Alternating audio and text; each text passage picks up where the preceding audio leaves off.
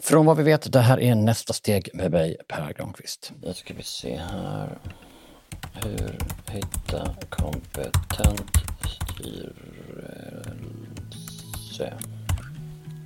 Ja, jo, alltså i avsnitt 33 tror jag det var, där intervjuade Erik Lundgren i Tibro som byggde ett jättestort företag och genom att googla sig till saker så. Nu ska jag se om jag kommer någonstans. Men kanske ska vi ta ett steg tillbaka först. För snart tre år sedan skaffade jag en styrelse till vad vi vet. Halva anledningen var att jag saknade att prata lite långsiktiga frågor med och halva anledningen var, handen på hjärtat, att jag ville verka lite proffsig. Alla proffsiga bolag har ju styrelse så då måste vi också ha det, tänkte jag. Men vilken tur jag hade. För när pandemin drabbade oss och vi var ganska nära konkurs ett tag så var det ju skitbra att ha en styrelse i samma båt så att säga. Sedan dess har mycket hänt och efter tre år funderar jag åter på det här med styrelse. Idag behövs det andra kompetenser än jag behövde då och bolaget är på det hela taget väldigt annorlunda nu än för tre år sedan. Så hur hittar man de styrelseledamöter man behöver? Det ska jag ta reda på idag.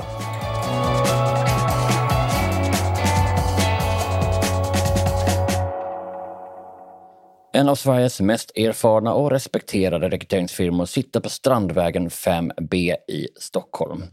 Mikael Berglund heter de därför att grundaren heter Mikael Berglund och kanske har lite dålig fantasi. Men han var en fena på att rekrytera och idag är det nästa generation som tagit över. Och de hjälper inte bara några av landets största företag att hitta toppchefer. De hjälper även till med att hitta styrelseledamöter. Var börjar man när man ska rekrytera till styrelsen? Vad är det man ska som leta efter? Den klassiska bilden är att man letar efter folk i sin närhet som ser ut som de passar i kostym och som de kan passa i ett, konferensrum.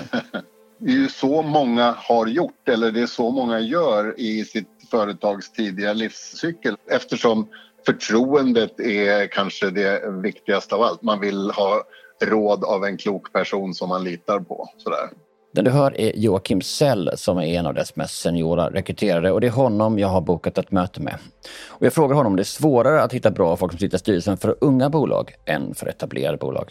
Och det kan ju också ligga lite grann i att det är inte så himla lätt att eh, attrahera människor till en styrelse i ett bolag som är väldigt ungt och som inte har satt sig. Liksom. Om man har en, en briljant affärsidé men den är mest briljant i mitt huvud och inte riktigt lika briljant i omgivningens huvud så kan det ju vara så att säga, svårt att få någon att vara engagerad och man har heller inte råd att betala arvod och sådär. Så då, det är inte så konstigt att man gör på det sättet man har en kompis, man har en granne, man har någon som, som man litar på och som ställer upp lite grann.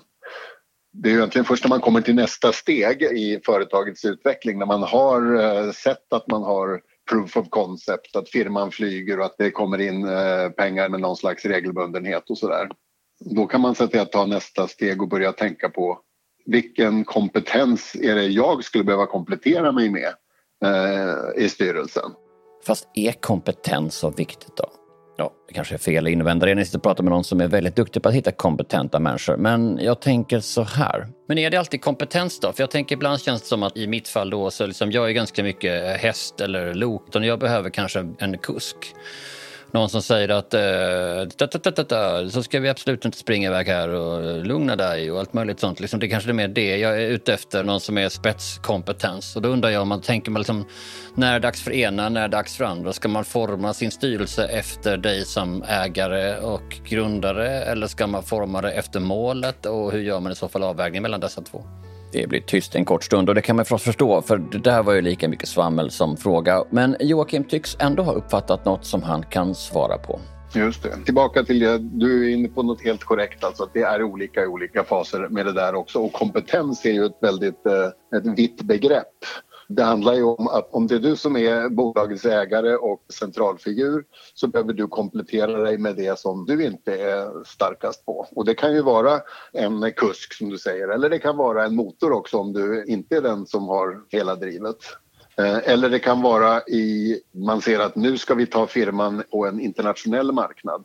Då behöver vi någon i styrelsen som har varit med och gjort det förr som vet vad, i alla fall några av de fallgropar man kan kliva i och som kan hjälpa till att förutse en sån. Sen vet ju alla att då kommer det vara helt nya grejer man snubblar in. Men med lite erfarenhet så blir det lättare att parera och hantera när det dyker upp. Du som har rekryterat för både små företag och sen till superstora börsbolag. Skiljer det sig? Eller är det samma filosofi egentligen rakt igenom?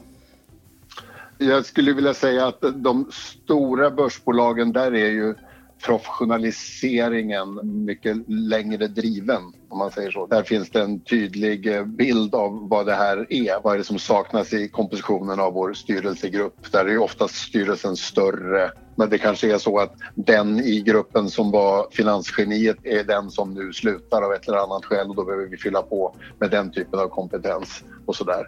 Mindre företag, där blir det ju en högre grad av det här personliga som spelar roll. Av, av, naturliga skäl. Liksom. Det är ju så, om du är individ och äger firman så är det ju viktigt att ni trivs ihop också och att det liksom funkar bra på det viset. Inte bara kompetens, tänker jag triumfatoriskt. Trivsel är också viktigt. Men eftersom en längtan efter trivsel också tycks vara en bidragande faktor till den enfald man ser i många styrelser så ser jag förstås också ett problem med det. Och särskilt när man som jag är den största ägare i firman. Så jag frågar Joakim om han har något bra råd för att undvika att jag omedvetet styr styrelsen. Att eh, vara den som har makten gör ju att du måste ju också vara klok. Du behöver ju omge dig med människor med stor integritet som faktiskt vågar säga åt dig att hålla käften när du har fel som inte är beroende av sitt uppdrag för sitt uppehälle eller vad man ska säga. Det är en klassiker men det är ju inte bra om folk sitter där och känner att eh, nu måste jag hålla mig väl med Per eftersom det är han som har makten och om han sparkar ut mig så får jag flytta från hus och hem. Liksom. Det riskerar att gå ut över integriteten i alla fall.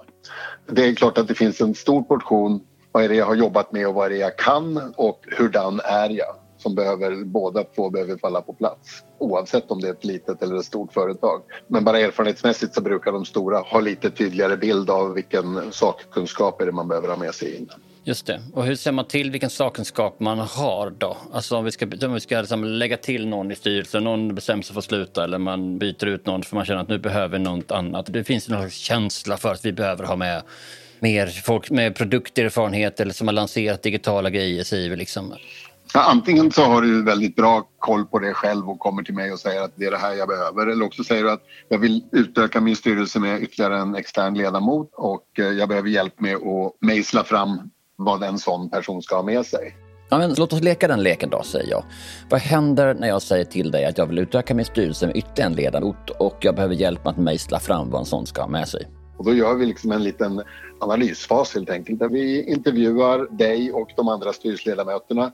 Det blir som en, en mini-styrelseutvärdering för den här biten finns ju med när vi gör en ordentlig styrelseutvärdering också. Där man liksom pratar om hur ser du på styrelsens komposition? Är, är det några kompetenser du tycker saknas? Är ni för, är ni för få eller för många?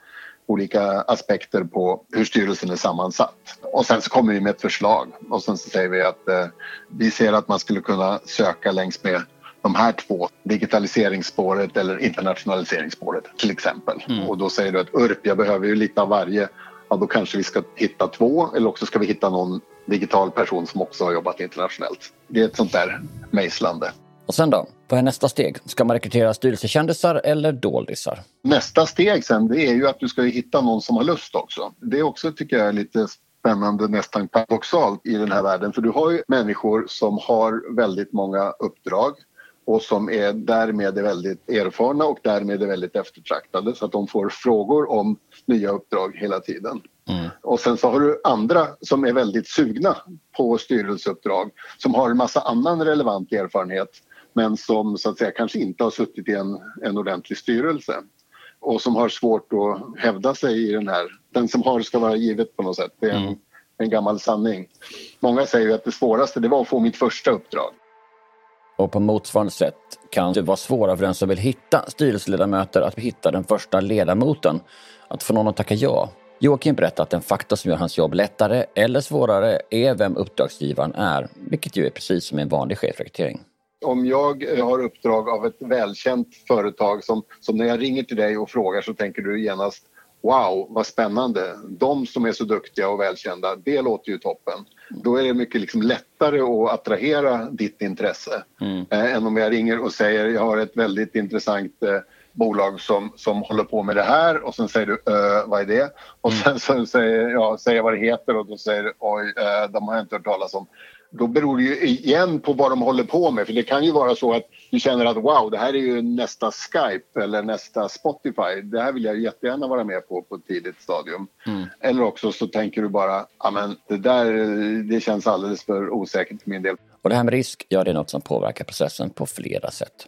Och det finns ju en risk, definitivt, om det hela går åt pipsvängen. Och om det inte är en, en ekonomisk risk så är det ju en, någon slags eh, renommérisk också lite beroende på om du har ett välkänt namn liksom, eller ett, ett starkt personligt varumärke så kanske du inte vill, vill gå in i, eh, i företag som känns lite för okända eller för riskabla. Och omvänt, vem man plockar in i styrelsen är också en risk. Låt oss säga att jag tycker det här verkar liksom toppen. Tar du då referenser på mig? Ska man ta referenser på styrelseledamöter och hur gör man det i så fall? Jag tänker att det här med att i kravspecifikationen bör det ju vara tydligt med att det är sex stycken möten om året och däremellan så får du räkna med att kunna engagera dig eh, lite då och då och ställa upp och svara på frågor och allt sånt. Det kan man ju hantera där. Men liksom det här med hur tar ni referenser? Vi tycker att man ska ta referenser även på en styrelseperson. Men det ska ju då vara ur ett styrelseperspektiv och det gör ju att det blir lite knöligt om det första uppdraget du får. Men man kan ju ändå liksom ta, vad ska vi kalla det, referenser ur någon slags allmän managementperspektiv. Men det är precis det du är ute efter som vi frågar efter när vi tar referenser ur ett styrelseperspektiv. Det är ju, brukar hen vara med på mötena, både fysiskt och är hen aktiv på mötena i alla frågor eller bara i, i sina specialområden. Det är ju en jätteviktig grej för att det här märker man ju nu när, när det blir populärt med en, en hållbarhetsperson i styrelsen till exempel. Mm. Eller olika kommunikationskompetens eller vad det kan vara. Om du då får in en person som är jätteduktig på det området men som inte har någon riktig företagsledande erfarenhet, som inte har suttit i en, en eh, om man inte har varit VD själv så är det viktigt att man ändå har suttit i en koncernledning eller en företagsledning där man har fått lov att bryta frågor mot varann. Mm. Du vet ju hur det är om man är ansvarig för för avdelning A så tycker man ju att avdelning A's frågor är asviktiga och man kan inte förstå varför man inte får göra alla de investeringar man tycker att man kan eh, komma med ett bra case för. Medan då liksom på nästa nivå så måste man se att vi har B och C också, vi har ett begränsat mängd kapital och vi måste liksom få ihop det hela mot vår totalstrategi och så vidare och så vidare. Den typen av avvägningar och brytningar mot varann behöver ju en styrelseledamot vara kapabel att göra och gärna erfarenhet av att göra. Och det, och det är det som blir problemet då om du har någon som är fena. Jag, jag brukar ibland dra ett exempel att vi hade en, en rekrytering där en kandidat var väldigt eh, omtyckt av valberedningen. Men man konstaterade att eh, hen var liksom superspecialist och hade faktiskt aldrig varit i närheten av alla de andra frågorna som, som den här styrelsen skulle komma att eh, ta tag i och diskutera. Alltså stora investeringar och vad det nu kunde vara. Jag frågar Joakim om pengar, alltså man ska avodera styrelsen eller inte. Vad har han för råd att ge? Det blir ju lite så också att om du säger jag kan betala ett prisbasbelopp om du bara är beredd på att så att säga inte få jätteerfarna ledamöter så vi har en match i förväntningarna, då är inte mm. det något problem. Men vi har ju också kandidater som säger ganska tidigt i processen så frågar de vad ligger arvodet på?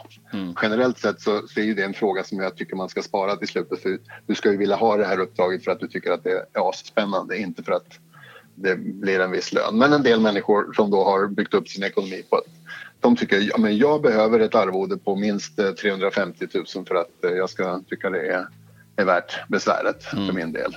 Och då är det svårt om du, om du ligger lägre. Det finns en del som absolut inte behöver pengarna men som ändå inte vill ha för låga arvoden för att de vill känna att de, de inte säljer sig för billigt. Det idealiska är väl om vi pratar någon slags startup-företag som då inte är börsnoterade där man ser att eh, mitt styrelsearbete kommer att göra de som är ägare i bolaget eh, väldigt eh, välmående med tiden. Så är det väl att man hittar på någon möjlighet att få vara med på ett hörn på ägarsidan. Det är väl det mest konstruktiva. Och om man inte är så expansiv utan ett vanligt liksom, grått företag som de allra flesta i Sverige så då, med några tiotal anställda någonstans och så där, är det då att man helt enkelt ska snarare satsa på med ett prisbasbelopp. Då betalar man något men man betalar ändå inte liksom för mycket. Nej, Ungefär så. Det fina i den där kråksången är ju att det finns ju massor med individer som gärna skulle vilja ha ett par uppdrag och är helt eh, ointresserade av intäkten för att eh, idag är de med i bostadsrättsföreningen, det är noll kronor och i idrottsföreningen det är noll kronor. men de vill ha styrelseerfarenhet. Liksom. Och de här statliga bolagen, där har jag också tyckt någon gång när folk säger oj, oj, oj, AP-fonder och annat är väldigt, eh, väldigt lågt arvoderade. Men det är ju aldrig några problem att få folk att vara intresserade av den typen av, av eh, uppdrag. Men det finns ett undantag, berätta. Det finns ju också branscher som, som är kontroversiella. Men om man säger spel eller anknytning till spel så visar det sig ju att det är väldigt många som har moraliska betänkligheter och inte vill vara i närheten av det. Mm. Tobak, det har inte sett egentligen styrelserekrytering till något sånt bolag. Det är väl i princip bara Swedish Match kvar som, som håller på med det och är ett svenskt bolag. Men, men det, du förstår vad jag menar, det, det finns liksom en del sådana där det spelar ingen roll, jag, jag, är inte intresserad. Vi har gjort några sådana rekryteringar och eh, när man beskriver snabbväxande techföretag, internationell expansion, börsnoterat, liksom folk nickar och ser jätteglada ut och sen säger man vad de heter så, så blir det så, ja, ah, men då får jag tacka nej i alla fall. Mm. Ett sånt bolag, de får ju lov att betala en slant för att uh, överhuvudtaget få någon att nappa. Då. Avslutningsvis frågar jag Joakim om man har något oväntat tips, alltså något sätt att hitta bra människor på som man kanske inte kommer på direkt. Han säger att problemet är att folk just gör så oväntade saker, att man bara söker bland folk de känner och redan har förtroende för. Huvudpoängen är alltså? Vikten av att eh, lyfta blicken och titta utanför sitt omedelbara nätverk. Och det kan man ju göra på många olika sätt. Ett sätt är ju att få hjälp av en sån som mig då, ett annat sätt är ju att eh, vara aktiv på lite olika håll och kanter. Man kan ju gå en kurs. Det, det händer att eh, de som går vår kurs är just eh, småföretagare som också är på jakt efter styrelseledamöter. Konstaterar Joakim Sell på rekryteringsfirman Mikael Berglund i Stockholm. Och kursen han pratar om är alltså en styrelsekurs och jag har faktiskt gått den där kursen. Även om jag nu inte hittar några som jag tyckte passade i vår styrelse så träffade jag Joakim. Det var ju tur. Ett annat sätt att hitta styrelsemedlemmar, som kan låta oväntat eftersom det är ganska ovanligt, är förstås att annonsera efter dem.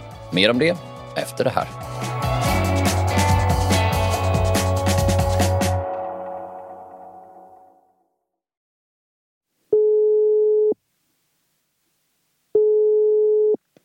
Ja, det är Leif. Hej Leif, det här var Per Granqvist på Vad vi vet. Ja, men tjena Per. Hur är läget idag? Ja, men det är bra tycker jag. Soligt och varmt, snökylt. Hur har du det på jobbet? Jag undrar om du är mobbad eftersom det på er kontaktsida står Skellefteå, HQ, Umeå och sen står det Örebro, Leif. Ja, exakt. Jag är lite ensam här. Men eh, det är väl upp till mig att ordna upp det. Det är bara att ställa med folk kanske. Leif heter Renström i efternamn och han är VD för en innovationsbyrå i Skellefteå, eller var med på flera ställen, men själv bor han och jobbar från Örebro. De hjälper sina kunder att hitta på nya saker och det kan vara att komma på och utforma helt nya tjänster eller utveckla nya produkter.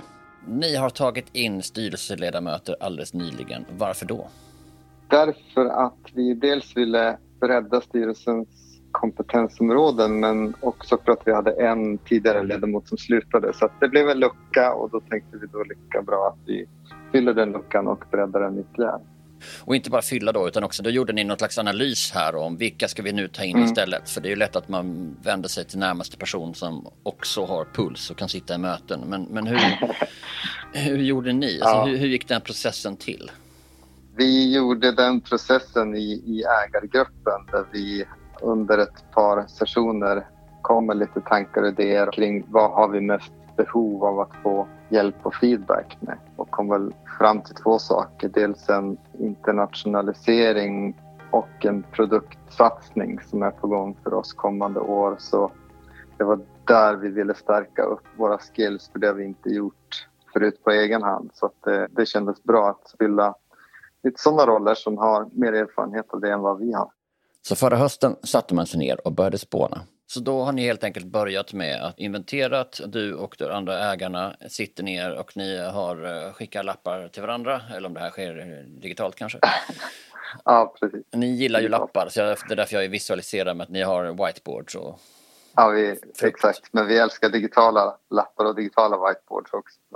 Ja, och då sitter ni där då kanske och tittar på varandra i några konstiga Zoom-möten kom upp med några namn här. Får de namnen vara hur dåliga som helst? Alltså kan man ta bara någon människa man har mött och säga man just det, men eh, eh, vi har ju den här kvinnan, hon verkar ju himla bra. Och så skriver man upp henne. För jag tänker mig att ni tillämpar någon slags sån eh, workshop och brainstorming-metod där, eller? Nej, vi gjorde faktiskt inte det. Utan vi gjorde så här, när vi hade kommit fram till vilka två roller vi helst ville ha in så skrev vi faktiskt anställningsannonser fast med fokus på styrelsepersonal. Då, så annonserade vi efter de här människorna.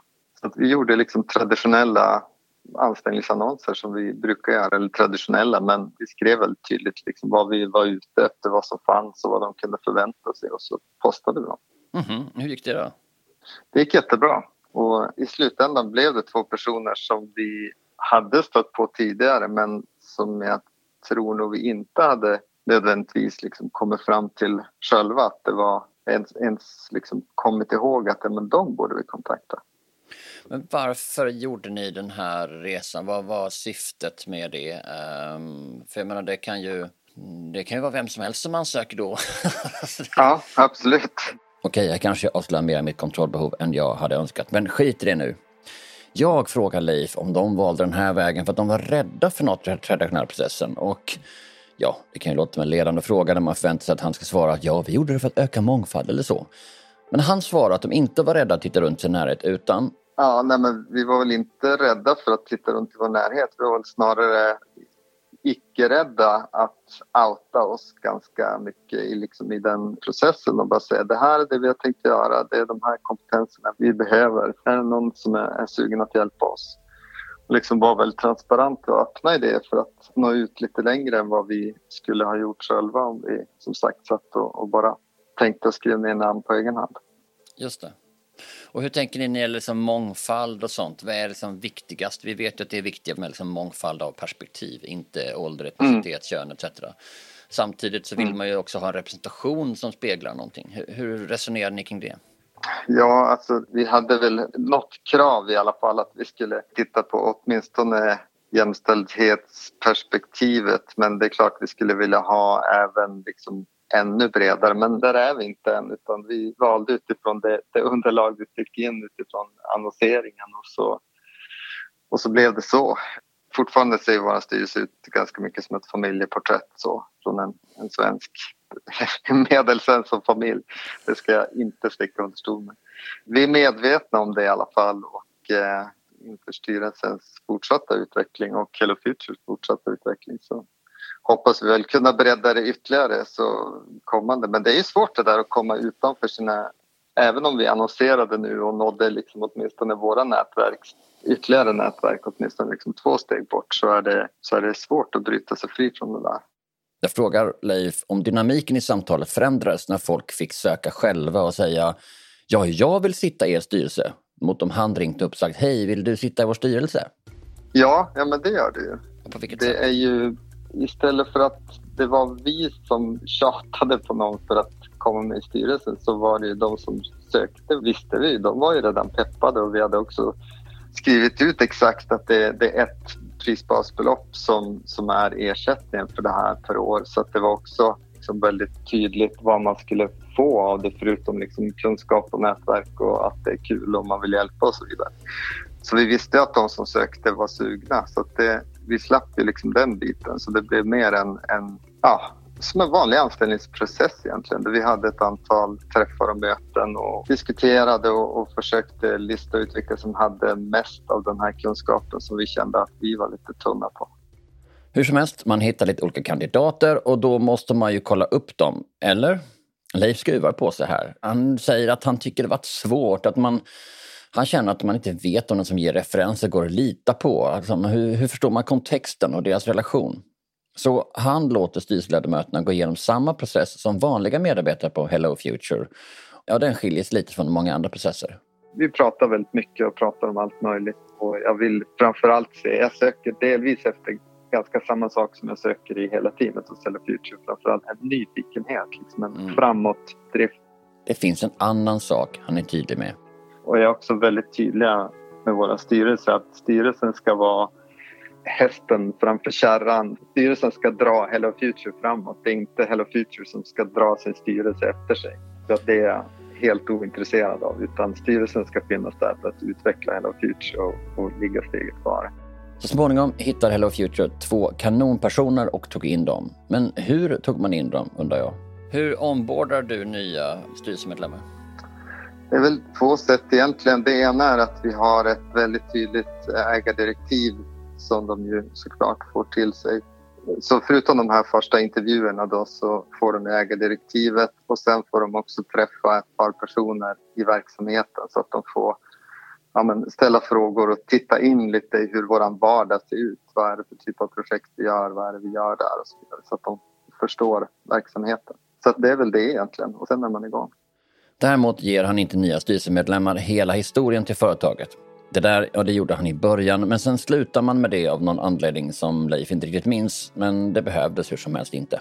Sen finns det förstås alltid situationer där de nya medlemmarna inte har koll på historien i en särskild fråga. När det uppstår någon fråga så kanske man liksom backar tillbaka och säger att men, tidigare tänkte vi och gjorde så här. Det som jag däremot försöker vara duktig med i styrelsen som jag inte har hunnit med de två nya än men som jag har jobbat mycket med den tidigare styrelsesammansättningen det är att förklara hur vi tänker och jobbar. För att vi försöker jobba med, med att alla människor leder sig själva och det är någon, någon slags TIL-organisation och, och, det är inte så många som har varit med om det tidigare. Så annars blir det lätt att mycket av råden som kommer från styrelsen utifrån sina tidigare arbetsplatser och tidigare roller blir ganska mycket kring organisation och att man ska liksom hitta en någon typ av funktion i en hierarkisk organisation som ska lösa en grej. Men vi tänker inte så. Vi tänker att det är människorna i organisationen som ska lösa det, inte organisationsformen som ska lösa problemen. Där behöver vi ofta göra en ganska mycket jobb och liksom visa vad är en ohierarkisk organisation och vart kommer det ifrån och hur skiljer sig det och så vidare. Så det, det brukar jag ta under någon gång på året när vi har nya så kör jag en sån session. Nu kanske vi hamnar lite utanför ämnet här, men vi har ju gått igenom hur man hittar styrelse, hur man ombordar styrelse och det känns ju logiskt att fortsätta i den här riktningen, att fråga hur Leif jobbar med en styrelse. Och då visar det sig att de jobbar med vd-rapporter i videoformat. Alla styrelsemöten är digitala hos oss, cirka fyra timmar per gång. Sen har vi då en gång per år då vi försöker ses och köra ett ja, mer traditionellt så lunch till lunch eh, strategimöte. Sen försöker vi också jobba lite asynkront med styrelsen också. Jag spelar in alla vd-rapporter på video, ungefär 15-20 minuters video som, som skickas med i materialet en vecka innan. Då, så att alla har haft god tid att få vd-rapporten till sig. Inte bara i liksom pdf-form utan också då i videoform. Så att det, vi ägnar väldigt lite tid i våra möten åt att diskutera det som har varit och det som är just nu. Utan det är mest framtidsfrågor. Men hur löser du det med video? För jag känner det på våra styrelsemöten att där gör jag min vd-rapport. Vi har gått helt och hållet ifrån vd-rapport utan jag skriver liksom eh, det här med att skicka siffror och sånt det, det, går ju att göra och de har tillgång till det. Men det är mer att jag skriver en lång betraktelse som på sätt och vis är en ja, den har ju sina stolpar så den är väl någon slags vd-rapport. Men jag gör den väldigt mm. mycket för min egen skull eftersom vad vi vet befinner sig liksom just nu i ganska mycket medvind. Och då vill jag mm. veta mm. hur var det när man tog in pengar, hur kände jag hit, hur kände jag där. Så den är ganska, ja, den är lite mer bloggig i det. Mm. Men den är fyllig, den är kanske på 20 sidor någonting och uh, går igenom grejer och det är länkat till olika saker. Liksom så. Vad tjänar man på att göra det i, liksom det i video? Det man tjänar på det är att alla i styrelsen ser, förutom det jag säger, så ser de också hur jag mår och hur jag säger det och om jag är glad över någonting eller irriterad på någonting eller frustrerad över någonting eller vad det kan vara så märks det direkt, vilket inte nödvändigtvis märks om man skriver en rapport och dessutom kanske slipar den lite för att den ska, det ska låta bra. Men i video får man med alla de här ansiktsuttrycken och eh, hur jag säger det och mycket mellan raderna. Så vi har så här går det ekonomiskt just nu jämfört med förra året och så vidare. Så här ser bokningsläget ut och så lägger vi ganska stor tid på så här ser det ut i personalgruppen, så här mår människor, de här rekryteringarna har vi på gång och så vidare och här har vi liksom, ja, nya projekt som är på väg att starta och så. Alltså att man får en rätt bra bild över ja, men hur går ekonomin, hur mår människorna på jobbet och vad har vi på gång för projekt. Det är ungefär det i, i stort. Liksom. Och det är samma i både video och på eh, pdf? Ja, precis. Det är typ eh, sex eller sju slides i en pdf men sen då 15-20 minuter i video. Så att jag pratar ju rätt mycket om varje slide även om det är ganska lite på bildmaterial i varje slide. Just det, min eh, rapport är ju text för jag är 100% textperson och mm. uh, tycker inte om PowerPoint generellt sett. Jag skulle säga så här, det här är både de nya styrelsemedlemmarna och de tidigare. Det här är nog det som alla upplevt som det mest positiva som vi gör i vår styrelse just de här videobaserade vd-rapporten. Så jag skulle verkligen uppmana folk som blir lite nyfikna att testa det. Testa att göra en videobaserad rapport och se vad liksom med, medlemmarna i styrelsen tycker om det. För att eh, det har funkat nästan osannolikt bra måste jag säga. Och hur, gör du, hur spelar du in det? Liksom? Alltså, spänner du fast eh, din telefon på din skärm och sen kör du och pratar? Nej, jag kör bara i laptopen med kameran och, och ja, precis som jag gör i vanliga videomöten och så använder jag en tjänst som heter Loom. L-O-O-M som vi använder jättemycket på Hello Future just för asynkron video så där man då kan ja, kommentera på videon och så vidare om man vill det. Men det är jätteenkelt och bra verktyg. Tipsade Leif Renström på Hello Future. Eftersom Almi är vår samarbetspartner för den här säsongen av Nästa steg får jag nu ringa en rådgivare och inte vilken rådgivare som helst. För den här kvinnan, hon är just specialist på styrelserekrytering. Hej Per Granqvist! Hej Anna Rosengren, hur är läget? det är bra tack. Ja. Hur är det själv? Jo då, på hugget som vanligt. Ja, vad bra. Anna Rosengren är VD för Almi Gävle-Dala och hon har också en annan roll. Det ryktas ju om att du sitter som ledamot i Styrelseakademin, Sveriges eh, Styrelseakademins valberedning. I valberedningen sitter jag, ja. Det stämmer. Vilket ju gör det ännu lämpligare att fråga dig om vad man ska tänka på när man ska plocka in en styrelse. För det blir ju liksom meta. liksom. Du tänker så, du tänker så. det är ett eh, hedersamt uppdrag och intressant ur många aspekter. Ja. Så är det ju och väldigt kompetent. Ja, men blir man granskad då hela tiden? Liksom? Att det kommer in någon som är ännu mer expert, så nu har ni, nu har ni i valberedningen gjort fel.